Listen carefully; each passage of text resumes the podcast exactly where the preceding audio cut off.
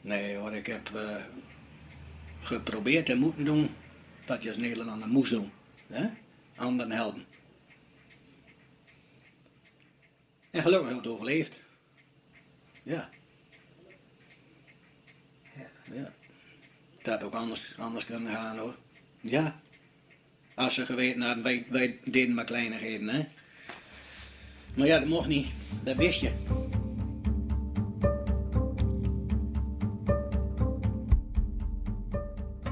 Dit is De Hilte 11, seizoen 2.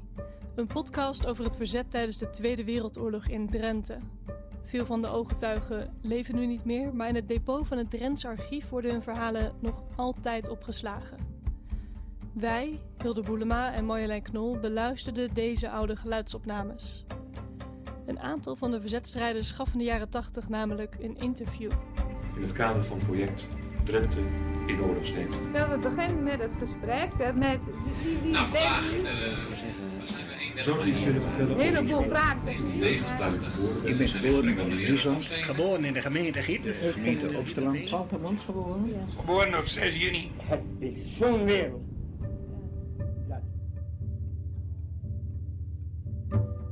In het eerste seizoen van De Hilte 11 hoorde je het verhaal van de familie Nijboer.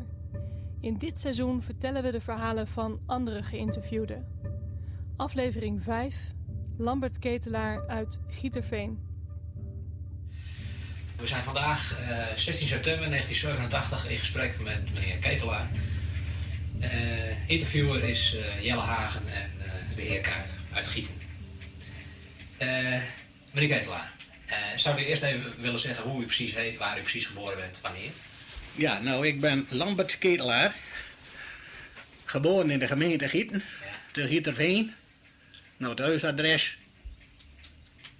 Nou, is dat is waar. veranderd. Wanneer, wanneer bent u geboren? 1-1-1917. En u heeft altijd op Gieterveen gewoond? Tot 1951. Tot 1951. De familie Ketelaar woonde al generaties lang op Gieterveen. Het was een gelovige familie en zeer betrokken bij het dorp. De ouders van Lambert hadden een boerderij waar ze groenten verbouwden en waar een paar koeien en varkens rondscharrelden. Lambert Ketelaar was de middelste van drie broers. Hij werd in tegenstelling tot zijn vader en opa geen boer, maar landbouwvoorlichter. Maar je kunt dus wel zeggen, ik ben plantendokter. Plantendokter. Plantendokter. Ja, ja. Ik word geacht alle voorkomende planten te kennen. Alle ziekten in de landbouwgewassen te kennen. En dat heb ik ja, met plezier gedaan. Gieterveen, waar Lambert woonde, is een klein dorp in de gemeente Gieten. Je kent het dorp misschien van het vorige seizoen van de podcast. Iedereen kende elkaar goed en was bereid om elkaar te helpen. En zo ging het jaar in, jaar uit. Erde luisteraars. We hebben een ernstige mededeling te doen aan de bevolking.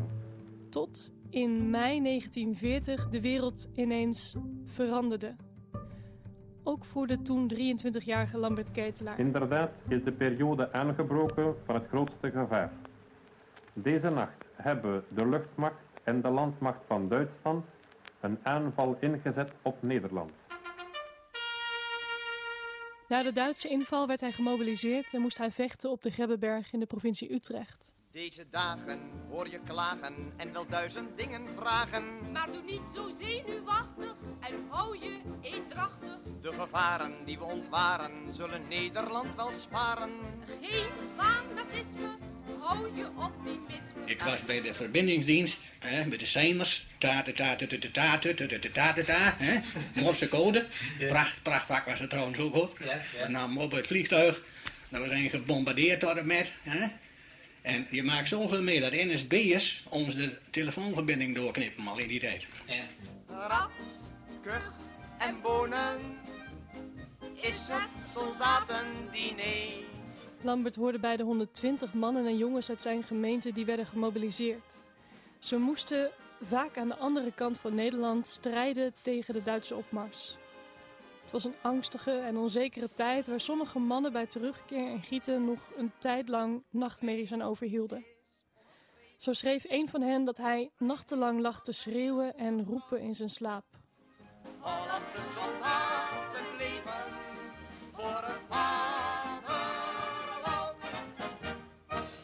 Het zijn mede deze ervaringen die maakten dat Lambert later besloot om in het verzet te gaan vertelt hij de interviewer. In 40, eh, hebben die daar een rol bij gespeeld? Ook, ook mee, ja. En nu hoorde ik Hitler nog brullen dat de neutraliteit van Nederland, die zou niet gekrenkt worden in elk geval. Hè? Nou, en de volgende dag, vertel ik al, toen moest ik op wacht. En toen, eh, nou, toen waren ze er al. De Grebbeberg, waar Lambert gemobiliseerd zat, was de plek waar in de meidagen van 1940 het heftigst gevochten zou worden. Vlak voor de oorlog uitbrak was Lambert s'avonds wachtcommandant. En toen ging de telefoon om uur of tien, en dat vergeet je ook nooit weer. En toen klonk daardoor van strijdvaardigheidstoestand 3. Nou, toen wist ik al wat ik doen moest. Er stond een grote envelop, dienstgeheim, in tijd van, eh, hè, van alarm openmaken. Dus ik moest die wekken en ik moest die wekken en ze moesten allemaal naar de stelling. En toen denk je, wat komt er nou? En toen keek je naar buiten en toen zag je dat er allemaal vliegtuigen aankomen. Oh, die gaan naar Engeland, ja. Die gingen naar Engeland volgens ons. Maar ze waren vrij snel terug. En er hadden ze een bom laatst ergens al, waar hadden ze die neergegooid. Toen, toen, toen was het aan de gang.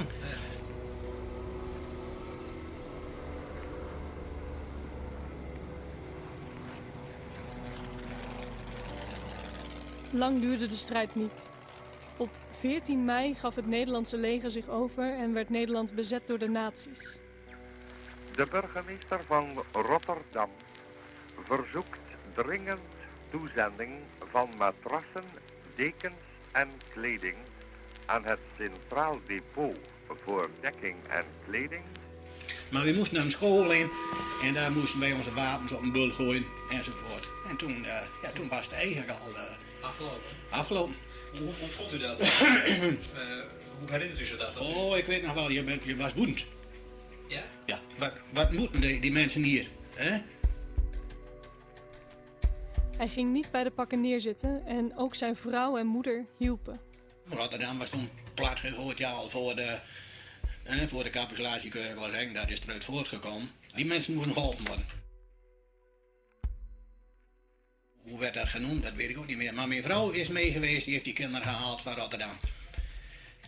Ik zie nou die rook voor mij, word je nooit weer kwijt, hè. De zon die, was net op Pinsdag werd. Zo verschrikkelijk was het, hè. Door het bombardement. Wij kregen een A3 Den Hollander, een 12-jarig meisje, die is ook jaren bij mijn moeder geweest. En zij was niet de enige.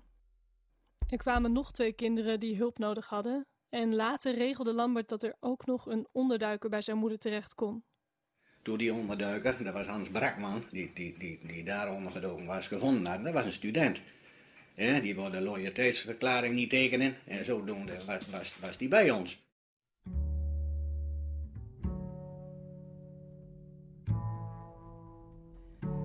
En zo kwam Lambert langzaam maar zeker terecht in het verzet, samen met andere dorpsgenoten.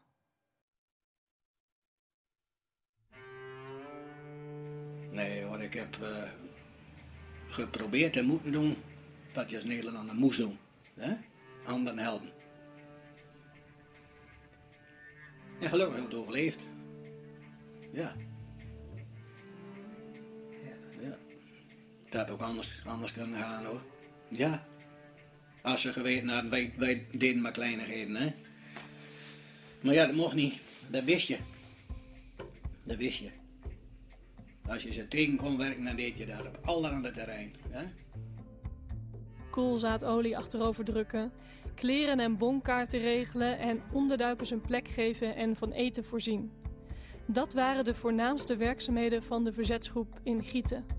Ik heb nooit geen overvallen, daar zaten wij niet in. Wij zaten dus meer in de verzorging van onderduikers. En wij hadden ook de opdracht, zodra dus hè, de bevrijding komt, daar geloofde ik vast in. En dat is ook gekomen.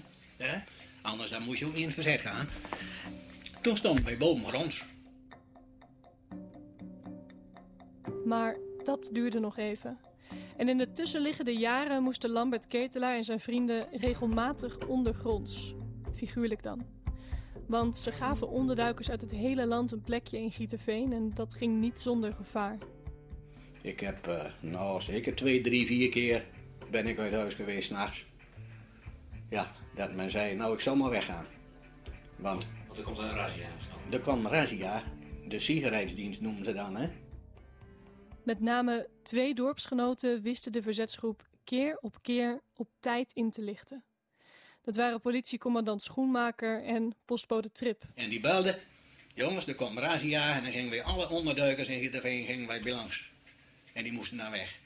Maar zonder die, die, eh, die inlichting van de politie, eh, waren, zouden er dan wel mensen opgepakt zijn, denk je? Ja, absoluut. Dat wel. Ja. Dus het was een belangrijk... Dan had die onderduiker bij ons aan tafel, want ze waren er al nou, een beetje om zeven uur. Die hadden aan tafel gezeten waarschijnlijk. Nee. En dan zeg je, wie is dat? En dan was die onderduiker meegegaan, maar mijn broer was ook meegegaan. En misschien had hij mij ook wel opgehaald. Ja. Ja. En je wist ja nooit wat ze, wat ze, wat ze gingen halen hè? en waar ze om kwamen. Net als ik zeg, als, als wij wisten, ze gaan een razzia houden, dan ging voor de onderduikers. En dan denk ik, ik heb geen last. En dan zorgen wij dat die onderduikers wegkwamen. Soms verstopt ze zich op een hooischuur, soms in de kerk en soms zelfs in de school. Maar dan was mijn school ook nog, ja, je zat daar wel. Maar, maar kijk, er stond geen trap. Je ging in de gang en er zat een luik in. En je moest over die balken lopen, maar die plankjes die kon je ook nog niet dragen. Nee. Nou, slapen deed je ook niet s'nachts. Een dekentje nam je mee. En dan ging je s'morgens voor dag en dauw. Ja, wij kwamen weer buiten. En dat ging een tijd lang goed. Tot die ene keer. Dat is de enige keer dat wij geen bericht kregen. Wij kregen altijd bericht. Op een zomerdag in 1944 kwam de waarschuwing niet. Er vond een inval plaats in de boerderij van de familie Nijboer aan de Hilte 11. En de familie Nijboer en Ketelaar kenden elkaar goed. Ze waren bevriend en verre familie van elkaar. Geert Nijboer heb ik genoemd. Waar dus Harm, dat was een vertrouwensadres. Ja, wat, wat kon je daarmee doen dan? Nou ja, als die, als die wat hoorde, die gaf het ook aan ons door. Hè? Wat hoorde? Oh, ja, die, die, die, die kon ook gewaar worden dat er eh, wat op komst was of, of, of anders iets. Vanwege zijn beroep of... eh, Hij was landbouwer, hè? Die Geert was een boer, ja, was landbouwer. ja, ja. Maar omdat hij zelf ook onderduikers had en er was hem nooit iets te veel. Hè? Die had ook eh goede, goede boeren ook en die ook financieel wel goed zat. Dus die, je kon alle steun van hem verwachten. Op het moment van de onaangekondigde razzia zaten bij de familie Nijboer twee mannen ondergedoken. Waarom kwam er geen bericht van schoenmaker? Want er kwam normaal toch altijd Die bericht. heeft, die heeft geen bericht gehad. Ze zijn op eigen houtje gaan zoeken. Ze hebben geen opdracht gekregen. Nee, ze hebben geen opdracht gekregen. En het initiatief ging uit van... Ja, van, ja, misschien wel van de sigarijksdienst. Wie zal het zeggen, dat weet ik niet. Ja. Dat weet ik niet. En de oudste zoon, Harm Nijboer, werd bij de inval opgepakt. En toen hebben ze hem, ja, hij moest ook papieren tonen en die, ja, hij zat in een leeftijd, dus hij is, hij is meegenomen. Die, ja, ja. Die, ze, die hebben ze niet gevonden of die hebben ze... nee, ja, die hebben ze allemaal gewonnen. Ze zaten ergens verstapt dus in, in, in een schuilplaats, hè. Ja. En ze hebben net, ze wisten dat ze er waren schijnbaar, hè.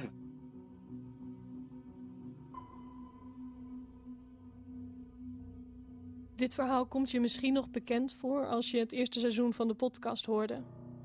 Wil je meer weten over deze bewuste nacht dat het misging op de boerderij van de familie Nijboer? Luister dan naar het eerste seizoen van De Hilte 11. The time has come to deal the enemy a terrific blow in Western Europe. In de maanden daarna raakte de vrouw van Lambert zwanger en wachtte het dorp met spanning op de bevrijding. Seit langem erwartete Angriff der Briten und Nordamerikaner gegen die nordfranzösische Küste hat in der letzten Nacht begonnen. De geallieerden waren aan de winnende hand en ook de verzetsgroep van Gieterveen begon zich klaar te maken voor de bewuste dag. Nou, je zag dagen aankomen, of je hoorde het aankomen, laat ik zo zeggen, hè. En je leefde al in de roes, en mijn vrouw liep op plaatsen. In april was de vrouw van Lambert hoogzwanger en, zoals dat nou eenmaal gaat, zo'n bevalling kun je niet plannen. Dus toen de bevrijding aanbrak op 13 april 1945, En dan lag ik de deur open. Kijk van nee, nee, kijk de andere kant bij man, ik achter die hoor. Oh, wat een bar slecht weer is alle dagen. Zo hoort men oh zo vaak de mensen klagen. Maar ik heb maling aan de barometer.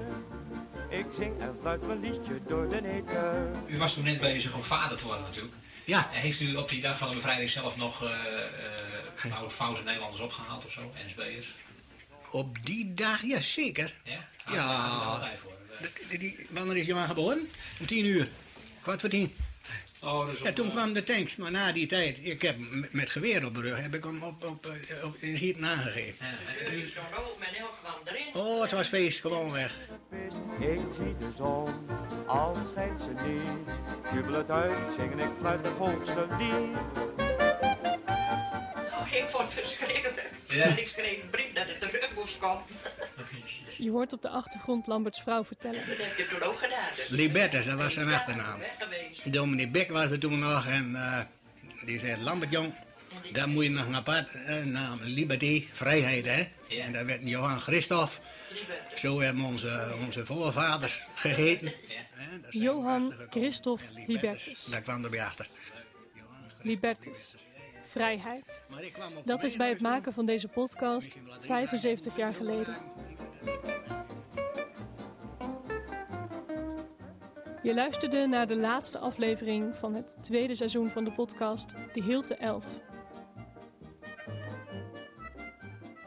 Deze podcast maakten Hilde Boelema en ik samen.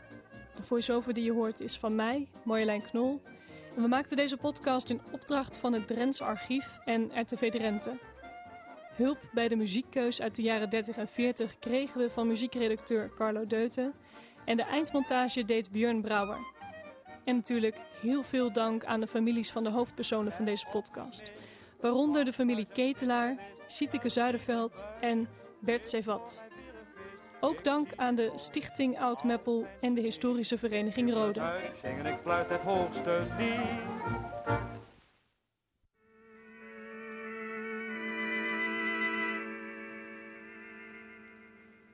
Let's say goodbye with a smile, dear.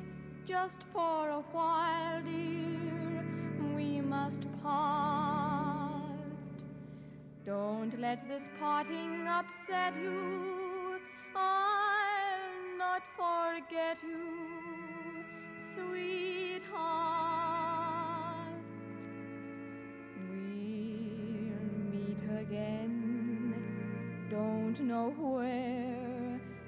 don't know when, but I know we'll meet again some sunny day. Keep smiling through, just like you always do, till the blue skies chase those dark clouds far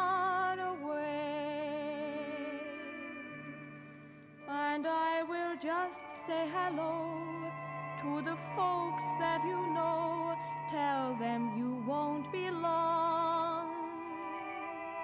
They'll be happy to know that as I saw you go, you were singing this song. We'll meet again. Don't know where, don't know when,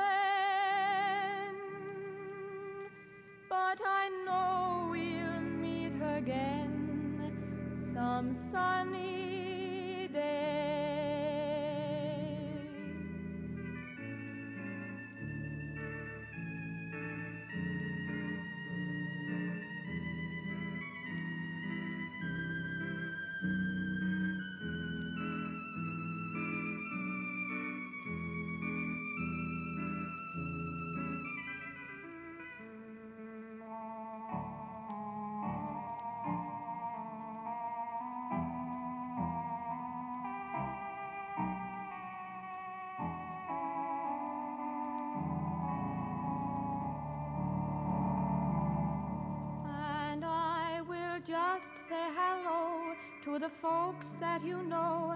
Tell them you won't be long.